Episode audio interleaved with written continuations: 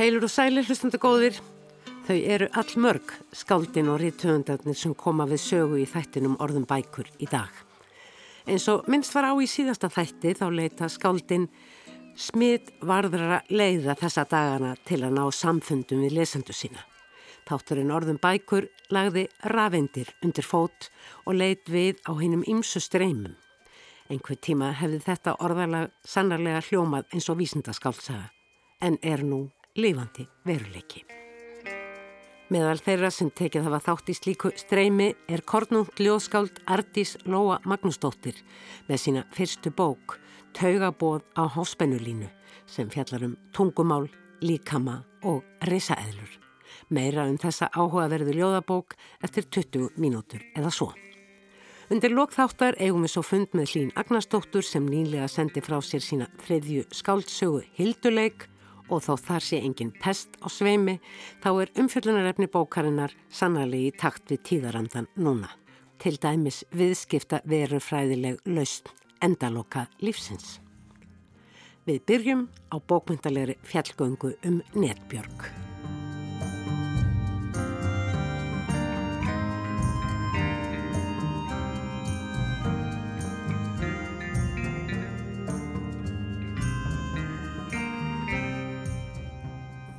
Já, góða daginn. Ég heiti Anna Jóa og ég er myndlistamæður og listfrækur og ég sitt hér í betri stofunni í Hannisarholti og ætla að lesa upp úr bókinu minni. Eh, ég haldið margar síningar á, á verkum mínum en þetta er í fyrsta sinn sem ég gef út bók og bókin heitir Hamir. Hamir byggir á eh, samleik mynda af fatnaði og eh, ljóðrætna texta eftir mig. Hugmyndin að bókinni kviknaði árið 2016 en þá var ég undirbúið myndlistasýningu og, eh, og tók fram gamla teikniblokk sem hafi leið óhreyð hjá mig lengi. Og, en þá hefði ég verið að teikna myndir af, af fatnaði, af fötónum mínum og farið að hugsa um klæði sem hami liðstæðir millir þess að hafa fataskipti og taka hamskiptum. Hamir. Þetta byrjar með því að ég fyrir að horfa á fatnað sem ég hef farið úr og lagt frá mér. Teikna. Teikniferlið er leið til að þreyfa á hugsunum. Hætti þegar mér finnst teikningin orðin forvitnileg í ófullkomleika sínum kalli á íhugun. Horfi á klæðin eins og landslag, línur og hugmyndir kvikna sem ég ásett mér að kanna nánar. En tími leipur frá mér. Ég ætla að beina núna einni spurningu til tín, Ólaug Jóhann, ef ég, ef ég má. Og, og það, í þinni nýju skáltsögu, Snertingu, ert þú að fjalla um, um annan heim og, og reynslu heim maður 75 ára gammal sem hefur ekki veitingahús í Reykjavík um langt skeið. Og þú lýsir af miklu öryggi svona einhvern veginn þessum heimi veitingamannsins og svo lýsir þú japanskri þarna, matargerð og hvernig það er að vinna á veitingahúsi. Kafaru djúft í einhverja heimildir?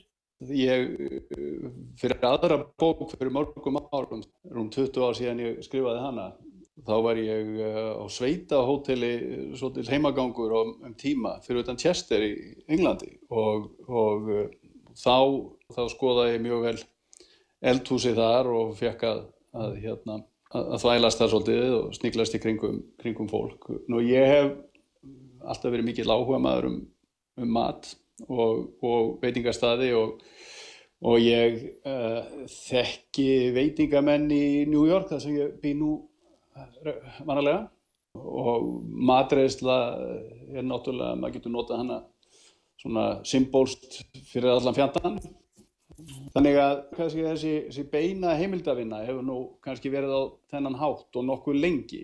Svona, ég hef gert það svona alveg Á Facebook síður Reykjavíku bókmyndaborgar má finna fjölmörg streymi þar sem Ímist Sunnadís Mástóttir eða Sverri Norrland stjórna umræðum og er þessum streymum ætlað að koma í staðin fyrir stórviðburðin bókamessu sem hefur lokkað svo marga í hörpu í þann mynd sem aðvendan brestur á. Hér heyrðist Sverri ræða við Ólaf Jóhann Ólafsson og síðan má heyran ræða við Solveigu Pálsdóttur en Solveig sendi nú fyrir jólinn ekki frá sér krimma eins og henni ætti að vera vonuvísa heldur minningabók úr eigin lífi, Klettaborgin. Núna þegar heimurinn okkar á undir höggasækja og hefur einhverju leiti horfið uh, út af þessum vírus og, og náttúru vá fannst þér þá einhvern veginn þá sko ríða meira á að stíga til fortiðar og bjarga einhverju minningum og fólki. Já, það var algjörlega þannig. Ég var byrjuð að skrifa alltara bók. Ég ætlaði að halda áfram að skrifa um hann Guðger eh, sem ég hef skrifað þegar reynar fimm glæpasurum. En eh, svo þegar að COVID-ið skall á, þá var það einhvern veginn sko verklaus. Ég gati ekkert skrifað. Ég, ég uppliði þetta svo fáránlegt að vera að skrifa og kokka upp einhverja flokna glæpafléttu þegar heimurinn væri algjörlega á kvolvi. Þetta var til þess að, að ég fór að opna fyrir þetta og ég settist bara einn daginn við tölvuna og ég bara stoppaði ekki. Bókmyndastreimin eru margvísleg á veiru tímum. Yfirleitt er höfundur einn í mynd og les, stundum spyrjandi með honum og ef það eru fleiri talar hver og einn við sinn skjá þar sem félagar hans sjást hver á sínum skjá. Svikaskáld þöndu sótverðnirnar eftir föngum í Gröndalshúsin í verið þegar þau buðu átta skáldum að lesa upp í stofu Benedikts Gröndals í tveimur hollum, fjögur og fjögur í senn á samt Þóru Hjörleifsdóttur sem kynnti, fimm saman í rými, öll með grímu og strax stemning.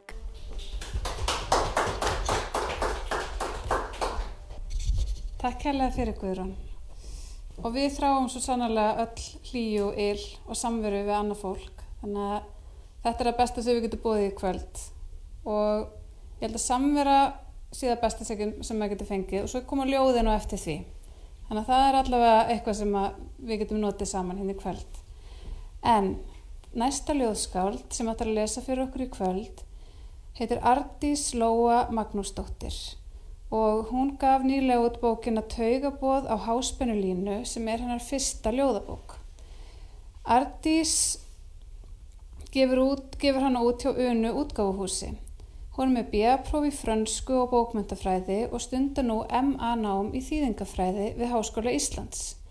Hún hefur unni við þýðingar úr frönsku og norðurlandamálum og ætla hún að koma og kynna fyrir okkur verkið sitt og að því loknu mun Vigdís Hafleðadóttir flytja ljóð úr bókinennar. Takk alveg fyrir.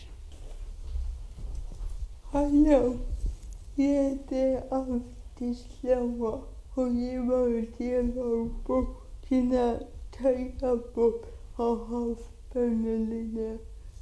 Svo ég hlað um tjáningu og svo fjallum líka um svona óvenjulegt aftasamband tveggja óvenjulega líkama og ég er með minn ykkar upplesare sem ætlar að lesa ljóð fyrir mig.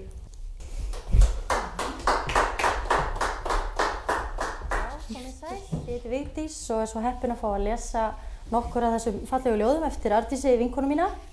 Bókin er tvískipt, það eru tveir hlutar. Fyrir hlutin heitir Taugabóð á háspennulínu og setni hluti heitir Livandi vísindi og ég ætla að lesa ljóð úr báðum hlutum. Og byrja á fyrir hlutunum. 1. Neðan sjávar er kyrlátt. Þú marar rángsælis í nýju mánuði sígur salta fingur, þanga til að súrefniskúturinn klárast. Móðurmál ekkert. Fetar þig upp eftir klukkustreng til heimsins á aðfallinu. 2. Kemur í heiminn, hljóðlaus í blóðurauðu flæðarmáli. Tungan flækist í slímugu þanginu. Vinstra heilakvel sendir taugabóð til ótingdra líkamsparta sem eiga ekki samskipti sín á milli. Allar götur síðan leitar þú frum öskursins. Þrjú. Trumbusláttur í vöðvum. Talfærin þarf að stilla, tónhæðin fölsk. Flögtandi tíðnibylgjur, rétt utan seilingar. Hljóðleysur í frjálsu falli.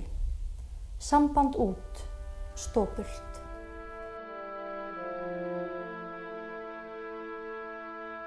Já, bókaútgefundur og bóksalar, höfundar láta sér detta ímislegt í hug á þessum síðustu og verstu COVID-tímum.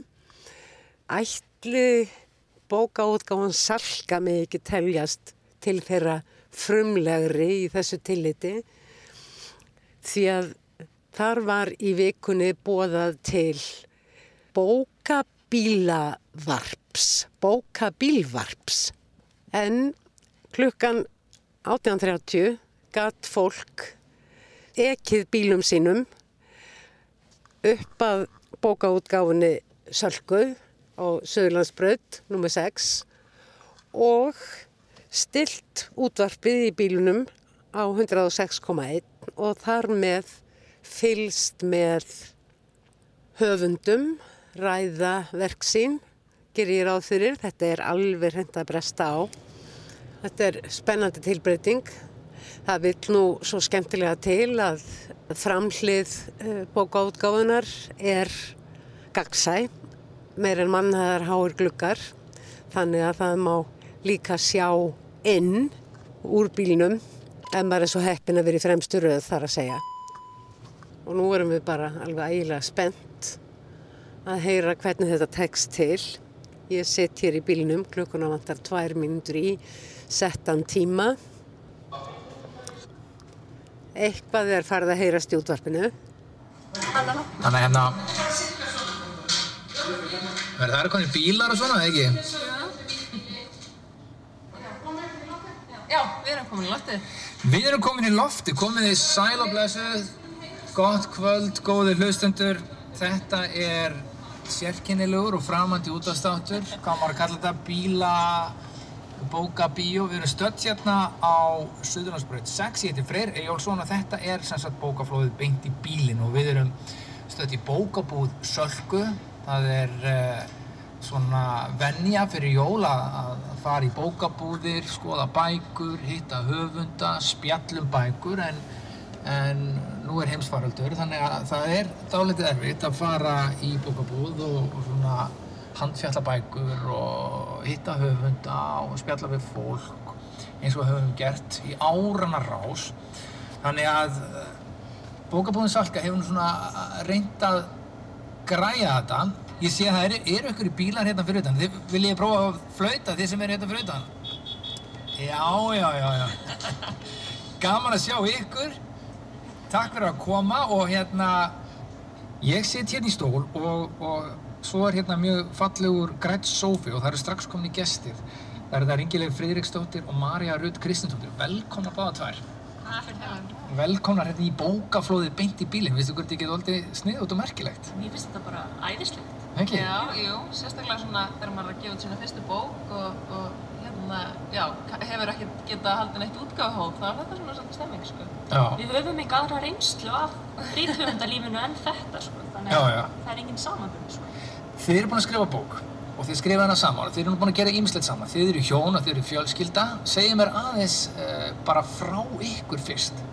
Já, við, sem sagt, heitum Ingilega og Marja, við erum uh, giftar, eigum tvo stráka og erum bara svona frekar hefðbundi par, myndi ég segja, uh, nema hvað að við erum auðvitað samkynja par og höfum reykjað okkur á svona, já, ýmsa veggi hvað það varðar, sérstaklega verandi fjölskylda það var kannski svona kveikin að að við ákveðum að skrifa þessa bók af því að við höfum upplegað það með eldri strákin okkar að hérna bara lesa fyrir hann bækur, horfa á barnaefni með honum og svo framvegis og okkar veruleiki var aldrei sínilegur í því. Og það er bara alltaf þessi vísutölu fjölskylda, mamman og pappin og... Já, Jú, nema í Afinn og amma. einari áskili, þar, þar er þetta svolítið öðruvísi, en, en það var svona eina sem að við, við fundum einhver bækur sem endurspöggluðu kannski svolítið okkar veruleika og kannski líka sömulegis bara fjölbreytileikan almennt. Þannig að- við vildum svona gera pínu tilraun til þess að fanga hann í þessari bók? Sko þegar ég tók upp þessa bók þá síndist mér strax að þetta vera barnabók og hún er kannski svona formun til þá lítur hún út þannig en þetta er ekkert endilega bara bók fyrir börn þetta er bók fyrir alla og mér finnst mjög fallet hvernig þið notið þetta form bara til þess að útskýra flókin og viðkoma hluti eins og trans uh, einstakling trans barn Þú veist, þetta er auðvitað bara partur af flórunni, alveg eins og það að vera, þú veist, laðast að fólki að sama kynni eða, þú veist, klæða sig alltaf á einhvern hátt sem öðrum finnst skrítin eða, þú veist, bara allt sem að er út fyrir eitthvað hefbundi norm, þú veist, þetta er bara partur af því að vera manneskja og þú veist, partur af því að lifa í samfélagi er að bara fjölbreytilegi neti staðar. Já, það kom mér óvart. Ég held að þetta væri mitt bara svona barnabók en, en, en hérna hún, hún svona tala mjög uh, sterkt til maður og, og hérna bara þessi títill Vertu þú, þetta er svo einföld setning en þetta er samt svo uh, uh, flóki fyrirbæri bara fyrir okkur öll að vera maður sjálfur. Algjörlega. Öll erum við einstök á okkar hátt. Sama hvernig hárið okkar eða augun eru á litin og sama hvernig við erum í læginu. Það er bara til eitt eintak af þér í heiminum. Hugsaðu þér hvað það er merkilegt. Það er enginn eins og þú af því að við erum öll ólík. Við erum hérna ennþá á Suðurlandsbröð 6 í, hjá Sölku. Já, og það, já, já, það er allt að gerast hér. Hvernig í ósköpunum dög kjaltalinn hjá Sölku forlag datt ykkur þetta í hug? Herðu, hérna, ég á svo góða vinkonu sem að bent okkur á að þetta væri náttúrulega bara hægt að gera svona eins og bílabí og það væri fólk bara væri að kynna Þetta er bóka bílvarp. Já, bóka bílvarp. Við föttuðum ekki upp á nafninu gluggaði jólabækunar fyrir en áðan, annars hefði það náttúrulega verið yfirskriftin, sko. Þannig að, hérna, en við sátum nú við gluggan og vorum eitthvað að ræða þetta hvað við getum gert. Okkur finnst svo gaman að halda útgáfu hóf og hafa upplestra og svona, en nú er ekkert slikt þetta að gera. Þannig að okkur bara dætti því að nota gluggana á fínu búin okkar, leifa fólki að standa fyrir fram að það og hafa áhörvendur í margra metra fjallaði en geta að tala við það í gegnum útvarpið. Og melduðu sig margir, sagðu margir mæti? Já, við erum búin að fá rosa góða rundtæktir, sko. Þannig að það var alveg hérna, fólk var mjög spennt fyrir þessu, sko. Og höfundarnir ekki síst. Það er alltaf skrítið fyrir rithöfund að gefa bækur og svo geta það ekkert fyllt þeim eftir. Og e, verður þetta einhvers staðar aðgengilegt eða er þetta bara einu sinn á æfinni? Að hægt að, í, hægt að glugga í orðsins fylstu merkingu í bækur og hlusta á þar í bókabílvarpin? Já, við til betur fyrir ákvæðinu að taka þetta allt upp þannig að við ætlum að senda þetta á netið, all, alla upptökuna af öllu því sem framfór hérna í dag og svo erum við að taka þetta upp, með þetta Facebook live þannig að hérna, fólk getur séð það. En hljóðgæðin verða nú betri upptökuna þannig að við setjum það inn á svona helstu hlaðvarsveitur líka og svo leiði sko. Þannig að það er heilmikið um að ske. Þess, þetta með streymi, það hefur verið vel nýtt af bókaútgefundum, bóksölum og höfundum. Já, við hefum verið hérna mikið líka bara í aðlega að taka upp bæði upplestrana og kynningar á bókunum og svo erum við búið til hlaðvörp og við erum bara að nýta alla leiðir sem við getum til að koma þessum og líka svona búið til myndbönd þar sem við flett í bókunum þannig að fólk geti svona bara nálgast bækurnar á netinu heima hjá sér eins mikið og þú ert að snerta næstu því bókabúð. Fyrir utan náttúrulega lyktina af bókunum. Og, og finnst ykkur að, fólk átti sig á því á þessu? Finnur það þessa hluti nægilega vel og svo framvegis? Já, ég held það, ég held að skilabóðin komist alveg í gegn með þessu breytta formi. Það er náttúrulega ekkert á við það að fara á hugulegan upplestur í ykkur, þú veist, í mm. desember En hann, þú þarfst að mæta á ákveðin stað, á ákveðin tíma, á ákveðin degi, Já. en með þessu móti getur þú náttúrulega haft þína hendisemi. Já. En stundum er hendisemi náttúrulega þannig að maður gerir ekkert. Nei, einmitt, nákvæmlega. Þannig að við sjáum samt að þessi, bæði þessi myndbönd sem við höfum verið að byrta á svona, þau eru að fá mjög fínt áhorf, þannig að fólk er greinlega, og það er að horfa lengi, þau eru með kannski þrjár, fjóra mínútur og fólk horfir alveg allan tíman, þannig að það hefur greinlega áhuga á að kynna sér betur. Já. Já, það er svona það sem við erum hrifnar af sjálfar. en við erum með hlaðvörp sem er alveg allt upp í hálftími. Þannig að það er kannski svona þetta útvarsform sem að fólk þá tóllir við lengur heldur en þegar setur heima í sér í tölfunni. Það er svona, það er ekki jafn skemmtilegt. Það setur við skjáin allan daginn oftast. Einmitt. Þetta var kjartalinn hjartalega til hamingi. Þetta var góð hugmynd, þetta var gaman. Takk fyrir og takk til hamingi með þetta. Takk, takk. Hér mátti heyra fáinn brot af þeim ótal upplesturum og samtölum við höfunda sem aðgengileg eru sem streymi á vefnum. Öll bókasöfn borgarinnar bjóð upp á slíkt sem og bókasöfn Garðabæjar, Kópavóks og Seltjarnanes og auklust fleiri staðir. Höfundar eru svo líka gestir í þáttum ríkisútvarsins, öðrum en þessum bæði á rás 1 og 2 sem og í sjónvarpinu, þannig að liklega gildir heið fortkveðina sá á kvölina sem á völina.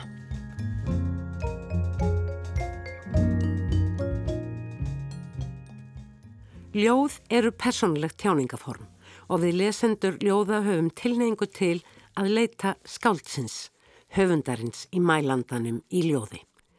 Oftar en ekki er stutt á milli ljóðmælanda og höfundar og kannski er það að hluta til ástæðin fyrir því að svo margt ungt fólk byrjar að feta sig út á braut skáldskaparins í gegnum ljóðið. Eins og við heyrðum hér áðan í upptöku frá ljóðakvöldi Svikaskálda í Gröndalshúsi þannig 19. november síðastliðin, þá er Ardís Lóa, höfundur ljóðabókarinnar taugabóð á háspennulínu, þrátt fyrir ungan aldur hámentuð í ýmsum fræðum, teksta og tungumála. Með bíaprófi frönsku, bókmyndafræði og stundarnám í þýðingafræði nú um stundir. Við Ardís er hún komlar í samband hvort við aðra skriflega í gegnum skilabóðaskjóða á netinu og með langar að byrja á því að spyrja þig Ardís hvenar og hvernig fór ljóðið að renna um æðar þínar? Og Ardís svarar Ég held ég hafi kannski hugsað svo litið ljóðrænt um heiminn lengi eða í ljóðrænum myndum. Um tvítugt fór ég að skrifa ljóð en þessi ljóðabók er einlega öll unnin núna í vetur, í COVID. Ég las líka mikið af allskynst ljóðum í vetur, allar ljóðabækur heimilisins. Þegar ég byrjaði emmanámin á sínum tíma í þýðingafræði fór ég að skrifa markvisara. Að þýða er nefnilega mjög skapandi og margt skilt við skrif. Já, einmitt. En segðu mér Artís, varstu fljótt komið þessa tematík sem er í bókinu, þar að segja leiðina til ljóðsins í fyrirlutabókarinnar, þessum 24 ljóða titilbálki sem byrjar á fæðingu, óskrifiðu bladi hins ómálka bass, en án tungumáls, án markvisrar hreyfigetu, allt þarf að læra, eru ljóðin afkvæmi tögabóða á hospinulínu. Viltu segja okkur eitthvað um þennan titil og um leiðina til ljóðsins í gegnum tungumálið? Ég á sjálfið tal örðuleika að stríða, segir Ardís, en þessögnin er að ég hef alltaf haft brennandi áhuga á tali og tjáningu og í stærra samhengi á tungumálum. Ég var í MH og gekk vel í skóla en fann mig aldrei í raungreinum. Þar var bara eitt rétt svar. Ég saknaði fjölbreytileika mannflórunar. Síðar þegar ég lærði tungumál sá ég hvað maðurinn tjáur sig á ólíka vegu. Það náði mér strax. Titillin, taugabóða háspennarlínu, vísar til þess að hjá spastísku fólki berast taugabóðin ekki rétt frá heila og valda oft mikil spennu í líkamannum. Það er háspennan. Svo var afiminn ramasverkfræðingur. Já, það er rétt, heldur Ardís áfram. Bókin hefst á fæðingu og lýsir því að egnast smám saman tungumál og lýsir líka samskiptum ljóðmælanda við eldri mannesku sem er byrjuð að glata tungumálinu. Ég eitti mjög miklum tíma með ömmu minn og afa sem barn. Þau eru eðlimálsins sangvænt fætt lönga og undan mér og töluðu þar að leiðandi svo litið öðruvísi tungumál. Einmitt, þessir Eldri leiðsegjundur afiðin og amma eru sem sagt krosskátu smiðurinn sem átti einmitt að koma í næstu spurningu hjá mér og eins spurningu um þessa ringrás lífsins frá ómálka barni til ómálka öldungs. Hvernig hlutverkin jáfnvel snúast við eins og þú yrkir um í ljóðunum 14, 15 og 16 sem við skulum heyra núna vikti sig hafliða dóttur lesa en ljóðabókin Taugabóða hóspennilínu er í þann mynd að koma út sem hljóðbók hjá unnu útgáfi. 14. Á meðan tíminn leggur árringi í börk krosskátu smiðsins, sangarðu að þér tungumálum, lærir að ferja tilfinningar, orð, flytja sögur um sæstreng frá einum heimi til annars. Hann gengur á undan, talsvert á undan. September og blöðin í samheita orðabókinni eru farin að gulna. Þú óttast að bráðum muni þau falla. 16. Fyrst fer ratvísinn, síðan verða vikudagarnir aðeins tilbúningur fólksins frammi á dauð hreinsuðum göngunum. Á hverjum degi uppgöt var hann tungumálið í fyrsta sinn. Morgunmatur verður formatur, sjónvarp glitskermur. Síðustu ljóðin í þessum fyrra bálk eru líka svo stórkostleg finnst mér.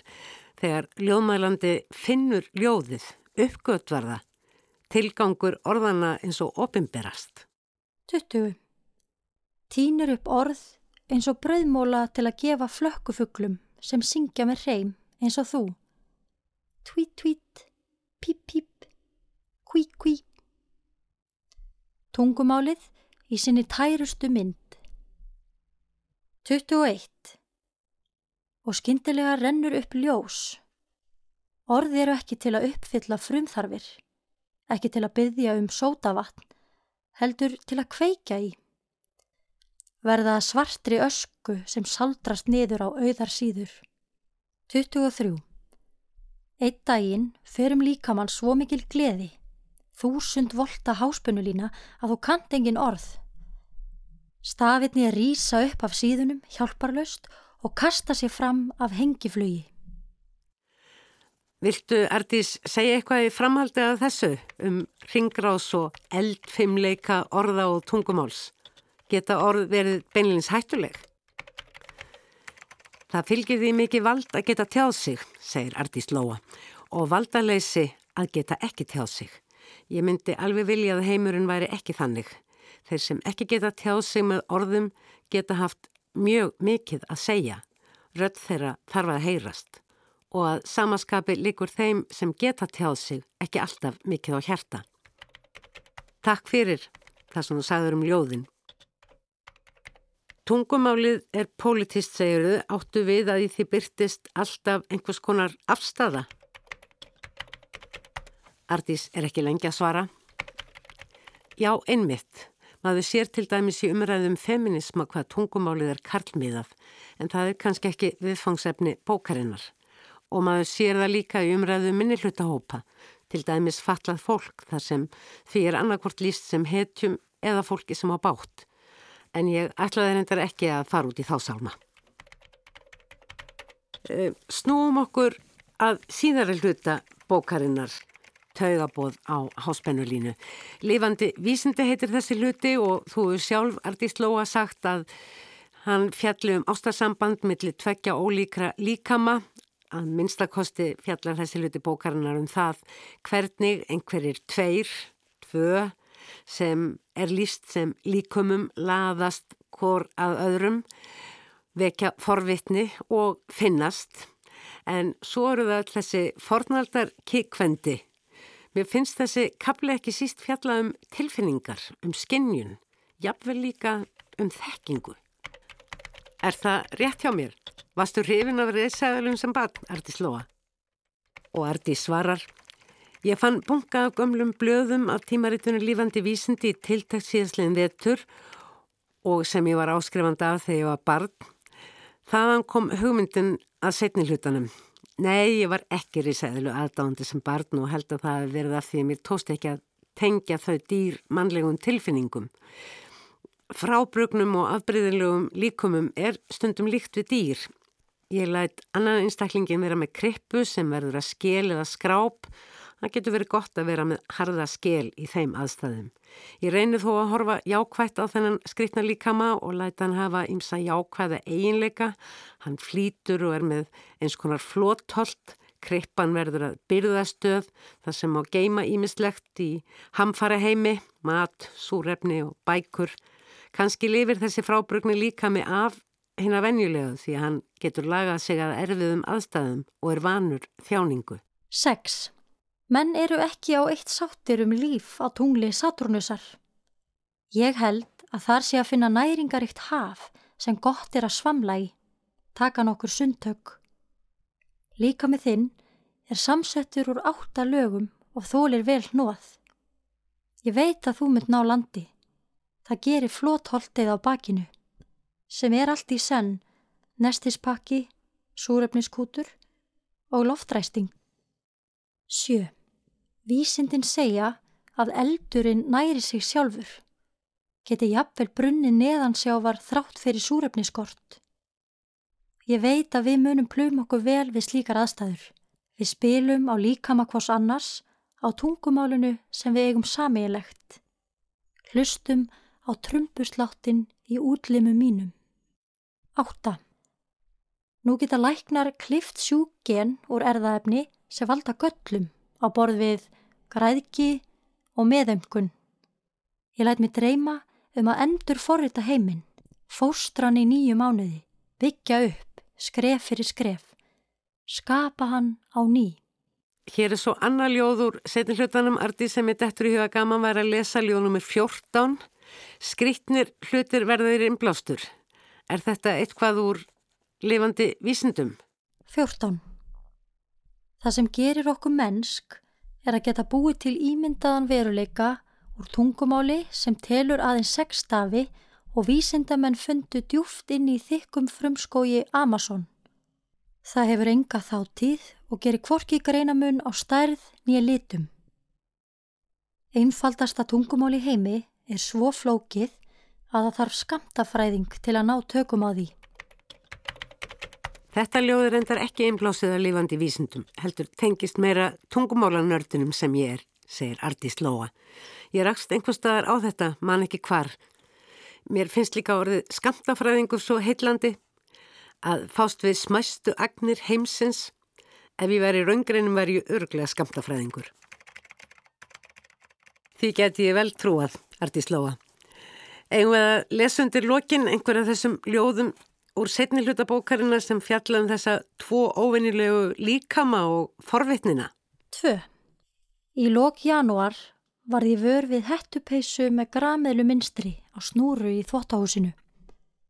Á næstu snúru hengu krumpuðu rúlukræðapeisurna mínar. Íbúðin mín og þín eru fullkomnar speilmyndir. Engir þröskuldar. 13. Vélhönd hefur svo næma fingur að hún getur tekið mjúklega upp jafn veikbyggðan hlut og egg, sett í sjóðandi vatn án þess að brenna sig.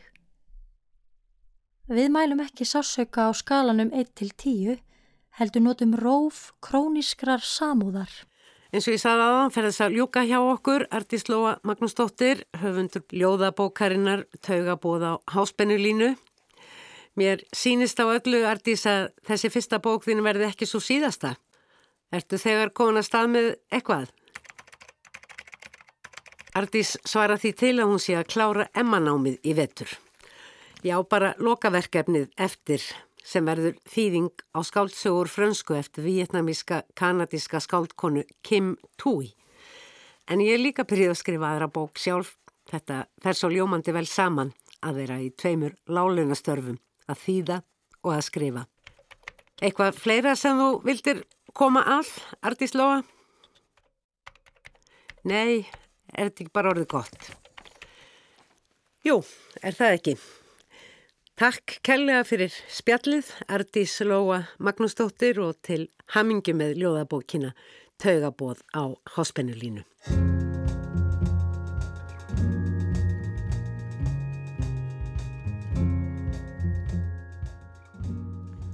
Hlín Agnarsdóttir leikskald og leikstjóri hefur alltaf inn á milli þess að skrifa leikrit, bæði fyrir svið og útvarp, skrifað eina og eina skáldsögum.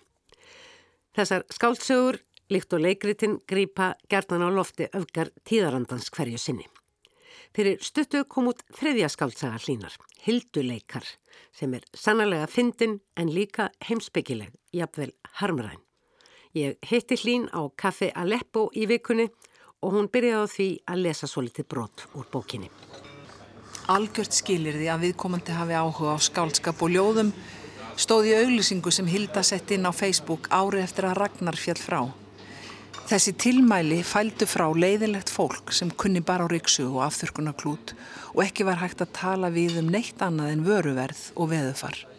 Ég, Bræi Austan, beit á agnið og sendi þetta ljóð með umsókninni Mér verður flökurt af ofmörgum orðum, ofmiklum skoðunum, ofmiklum mat, hreinlega flökurt.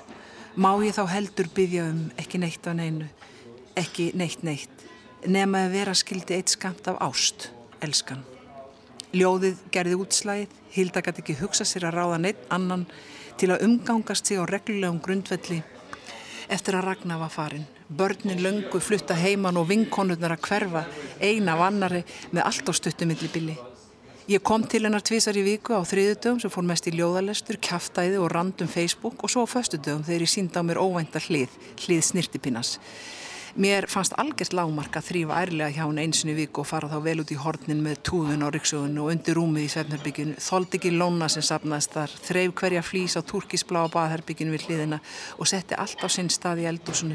Endað svo á því að kaupa inn fyrir helgina, djúbfrista assíurétti fyrir örbylgjófna og örvasa, en súsi til hátíðabriða.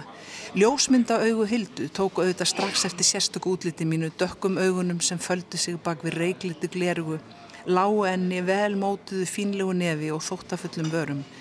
Henni fannst mikið til koma að ég væri að austan úr djúb bláum fyrði. Fóreldrarnir, söðfjárbændur, alveg við það að deyja út. Þaðan kom nafnið austan, forfæðurinn blámaður og fjörðurinn að spyrjaðu auðvitað á bíi. Hlín Agnarsdóttir, takk fyrir þetta. Þetta var upphaf annars kabla í skáldsögðinni nýri og þeirri þriðju Já. í lífinu, hilduleikur og þarna kynnumst við aðal personunum tveimur sem að bera upp í bókina þó vissulega fjölmarkar aðrar personur koma við sögu. Getur aðeins svona gefið okkur landslægið í þessari bók?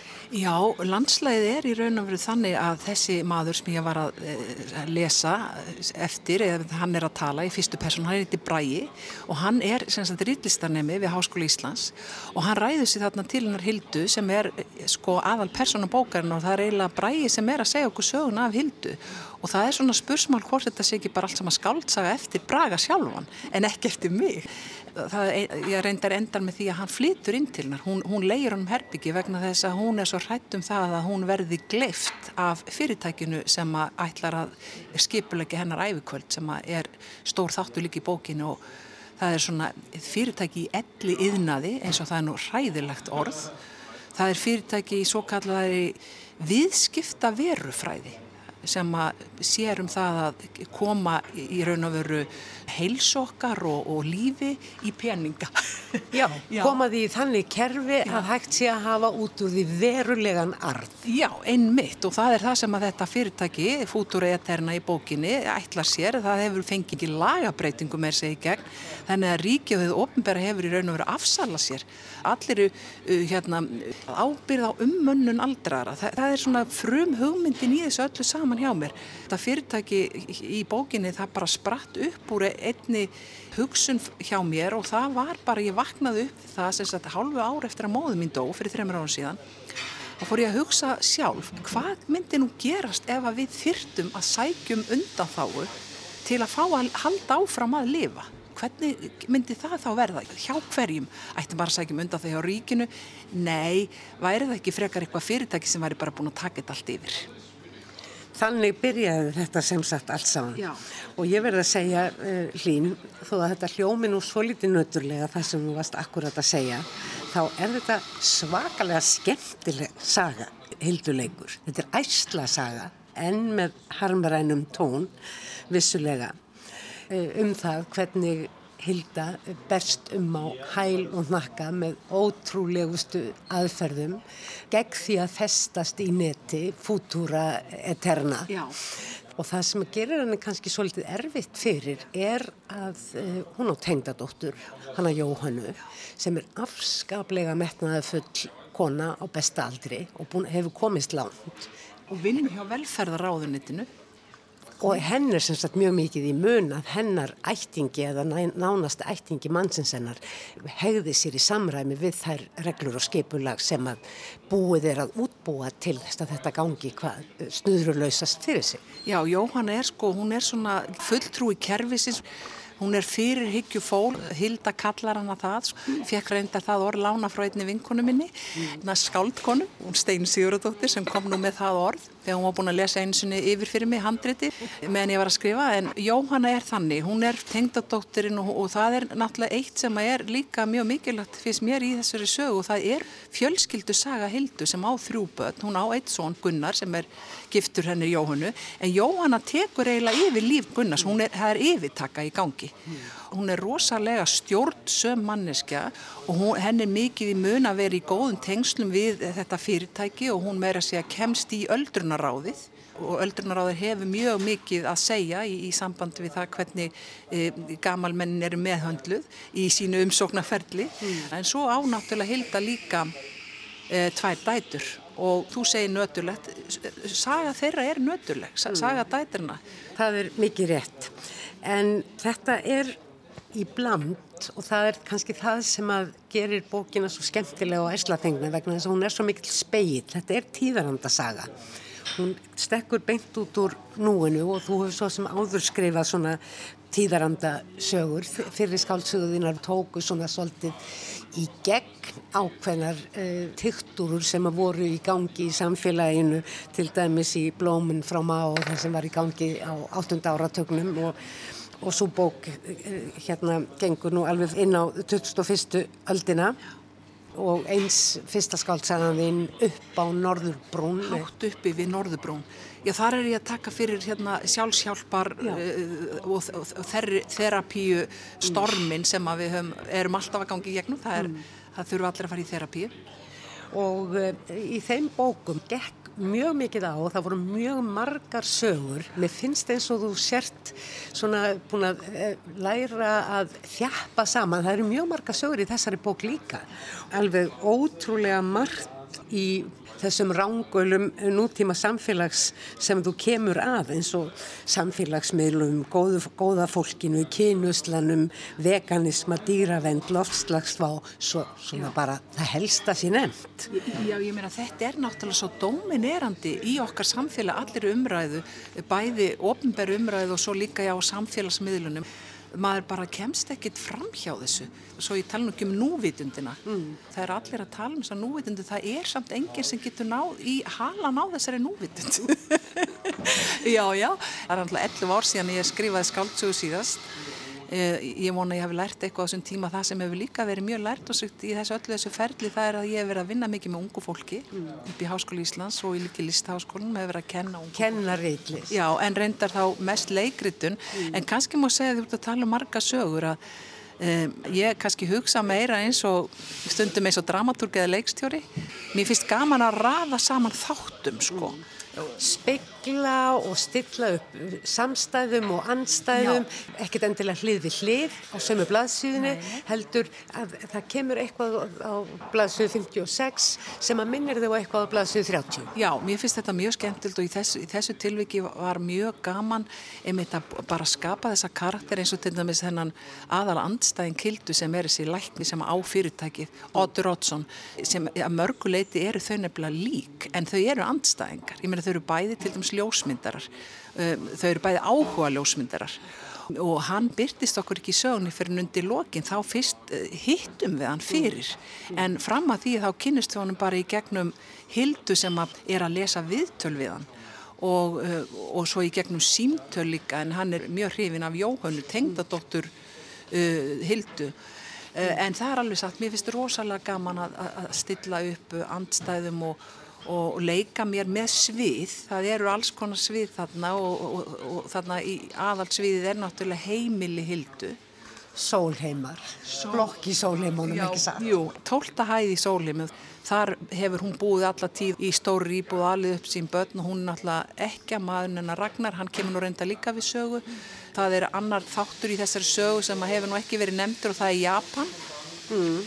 Japan er þarna mjög sterkur þáttur þau að ferðast hanga hjónin og eiga mikið af ljósmyndum og allskynns eh, minnjagreipum frá Japan og svo náttúrulega nöðsöld að hafa sushi í skapnum fyrir helgina. Þau hafa líka orðið fyrir miklum áhrifum af japanskri menningu og japanskri hönnun og hafa innréttað heilt japansk herbergi mm. í miðju íbúðuna skipti mjög miklu máli.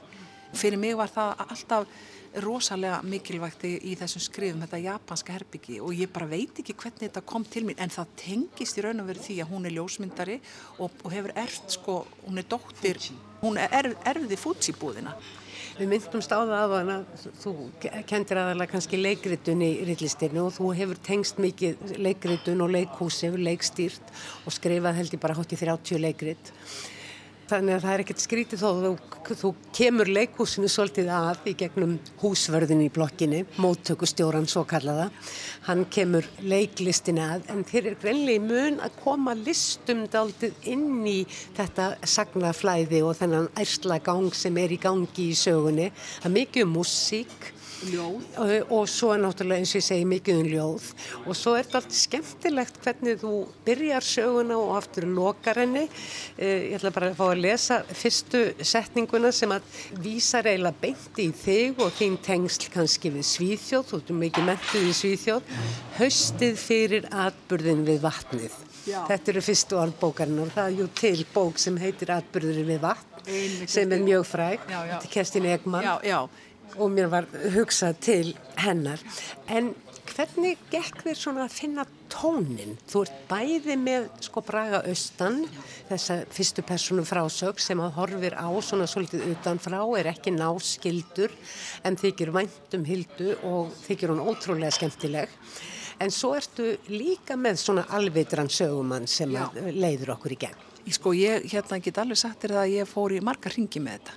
Það sé hvort ég ætti að láta Braga segja söguna alfarið eða ég prófaði að skrifa það og ég prófaði líka að skrifa eina hérna, versjón þar sem var bara alvitur sögumæður. Ég hugsaði líka geti, geti sagt þess að sögu bara út frá hildu en ég endaði í raun og vera á þessu. Þetta er svona viss tilraun. Það er þarna sögumæður sem er Bragi Austan en samt sem áður hann getur ekki sagt frá öllu því hann hefur ekki upplifað allt sem er í sögunni og þessna er, ég er í leika með með tvö sjónarhórn. Annars mm. fer hann, fyrstu persónu sjón, sjónarhórn Braga, mm. rýtlistanemas og svo er það alvitur sögumæður á móti. Og mér fannst gaman að gera þetta og mér fannst að vera alveg tilraunarinnar virði að láta þetta ganga upp. Mér skilst á fólki sem hefur lesið þetta. Gley, þú gleymir í mjög fljótt. Bræði hverfur úr sögun og svo kemur hann inn aftur. mm. Það er líka fint að láta rýfa sig aðeins út úr flæðinu sem er, eins og ég segi, afskaplega skemmtileg. Það er spennandi. Endur bókarinnar kemur mjög á óvart, væga sagt. Þú ert afskaplega raunsæ, þú ert ekkert að þegra hlutina, það er sko ekkert grínað eldast, þótt ellin geti vissulega líka verið ansi viðbyrðarík að þá endar hún vist bara á einn veg, en en að því kemur, þá er nú hægt að gera ímislegt. Við skulum fá eitt örlíti brot þarna undir lóksögunar, það sem að hilda, já, Já, hún er komin bara á sólríka eigu og það eru jól upp á Íslandi en, en hún er í sólinni í Söðurhöfum og með nýju minni. Já, hún er með nýjan kærasta og hérna hann hefur bóðinni til ykkurar söðrætnar eigu sem er kannski Teneríf. Hann næstu því hérna uh, rændinni. Hann næstu því rændinni og hérna kemur kapli þar sem að þau eru komin á, hún er að vakna upp eftir fyrstu nóttina á hótelinu mm. og hún er svolítið ruggluð náttúrulega þegar maður er orðin gaman þá er ekkert auðvelt að, að manni skilst eh, að, eh, að skiptum umhverfi og eh, venja sig við nýjar aðstæði Nei, hún er nefnilega, hún hefur sofið svolítið fram eftir og hann er greinilega komin á fætur og undan henni og þau þekkast ekkert mjög mikið, ég býst því þau hafa aldrei til og með sofið í sama herbergi áður, þau hafa umgengist mikið og hýst á gæludýrakaffehúsinu, karvan, en allavega hérna eru þau á hótelherbyggi Hann satt enn á svölunum þegar hún kom aftur inn í herbyrgið, satt í sömu stellingu og las, eða var hann kannski dáin?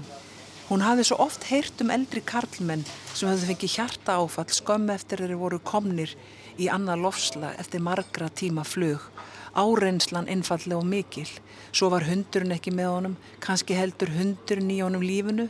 Það var eins og meistarinn læsi hugsanrennar Hann leiti upp á bókinni, horði gegnum gleriðin í herbyggið og veifaði. Allt í einu fannst henni eins og þetta hefði allt gerst áður að þau hefði verið þarna marg oft í fríum frá köldum vetri. Þau höfðu talað saman kvöldið áður en hún myndi ekki nema slitur úr samtalenu. Hann talaði um dætur sínar, tvíburuna og hundin sem þær pössuðu menn að hann var í burtu. Hún hafði talað um látin eigimann, sónin og ljósrituðu brefin frá dótturni en myndist ekki á frumburðin og svo hafði hún vist nefnt tengdadótturinn og hverið vonda að eldast með reist sem hún hafði hraðilesi í hálgerðu tauga áfalli eftir hún áttaði sig á að hún var ekki á leið í sumarbústað í Skorradal. Henni síndist hann einmitt vera að lesa hverið þarna úti á svölum. Eins og ég sagði á þann að þá er tæft á svo ótal mörgu sem er svo lifandi í, uh, í gangi, allar þessar tiktúrur í samfélaginu núna og við getum nú ekki farið út í það allt saman, veganisman og kynuslan og hvaðina, en mér langar að nefna eitt því að auðvitað er ansi mikið um dauðan í þessari bók. Mm þú sleppir honum ekki, það þarf að fara í jarðafarir oft þegar maður er orðin gammal. Já, ég meina það er nú ástæða fyrir því að jarðafarirnar eru svona margar. Fyrirtæki sem umræðir er nú með ímsa lausnir á döðanum sko. Mm. Eða öllu heldur á lífinu. En eins og því þú, ert að tala hérna, já, döðin, það eru tilvistalega spurningar margar um döðan og allt þetta en En, en enga síður eins og þú sagðir á þann þá er þetta eins og einn rýtlistanemi saði við mig, þetta er svona æsla fengin framtíðarsaga eða framtíðar thriller saðan. Já, dystopía var einmitt orð sem kom upp í huga minn þegar ég var að lesa og hreipaði niður hjá mér en svo var þessi dystopía eitthvað svo ótrúlega nálagt manni í samfélaginu í þessu sem ég hef nefnt sem að þessi bók fjallar um því hún fjallar ekkert bara um elli og dauða og fyrirtækið fútúra en hún fjallar svo, svolítið mikið um þessa áráttu í samfélagin í dag að skipuleggja, sjá fyrir og greina, skilgreina. Já og þar kemur náttúrulega svo sem um, fyrirtækið inn í og þessi viðskipta verufræði sem ég var svo upptíkin af með ég var að skrifa þetta ég er auðvitað eins og þú segir að, að taka, í, eða nefna allavega ímislegt þó að mér finnist sjálfri sko saga hildu hennar, hennar fjölskyldu saga og hennar karakter og svo hvernig hún, hvernig bræði sér hann og hvernig bræði segir frá henni. Mm. hún er stór karakter hilda og hún tekur alveg til sinna ráða þegar þess þarf.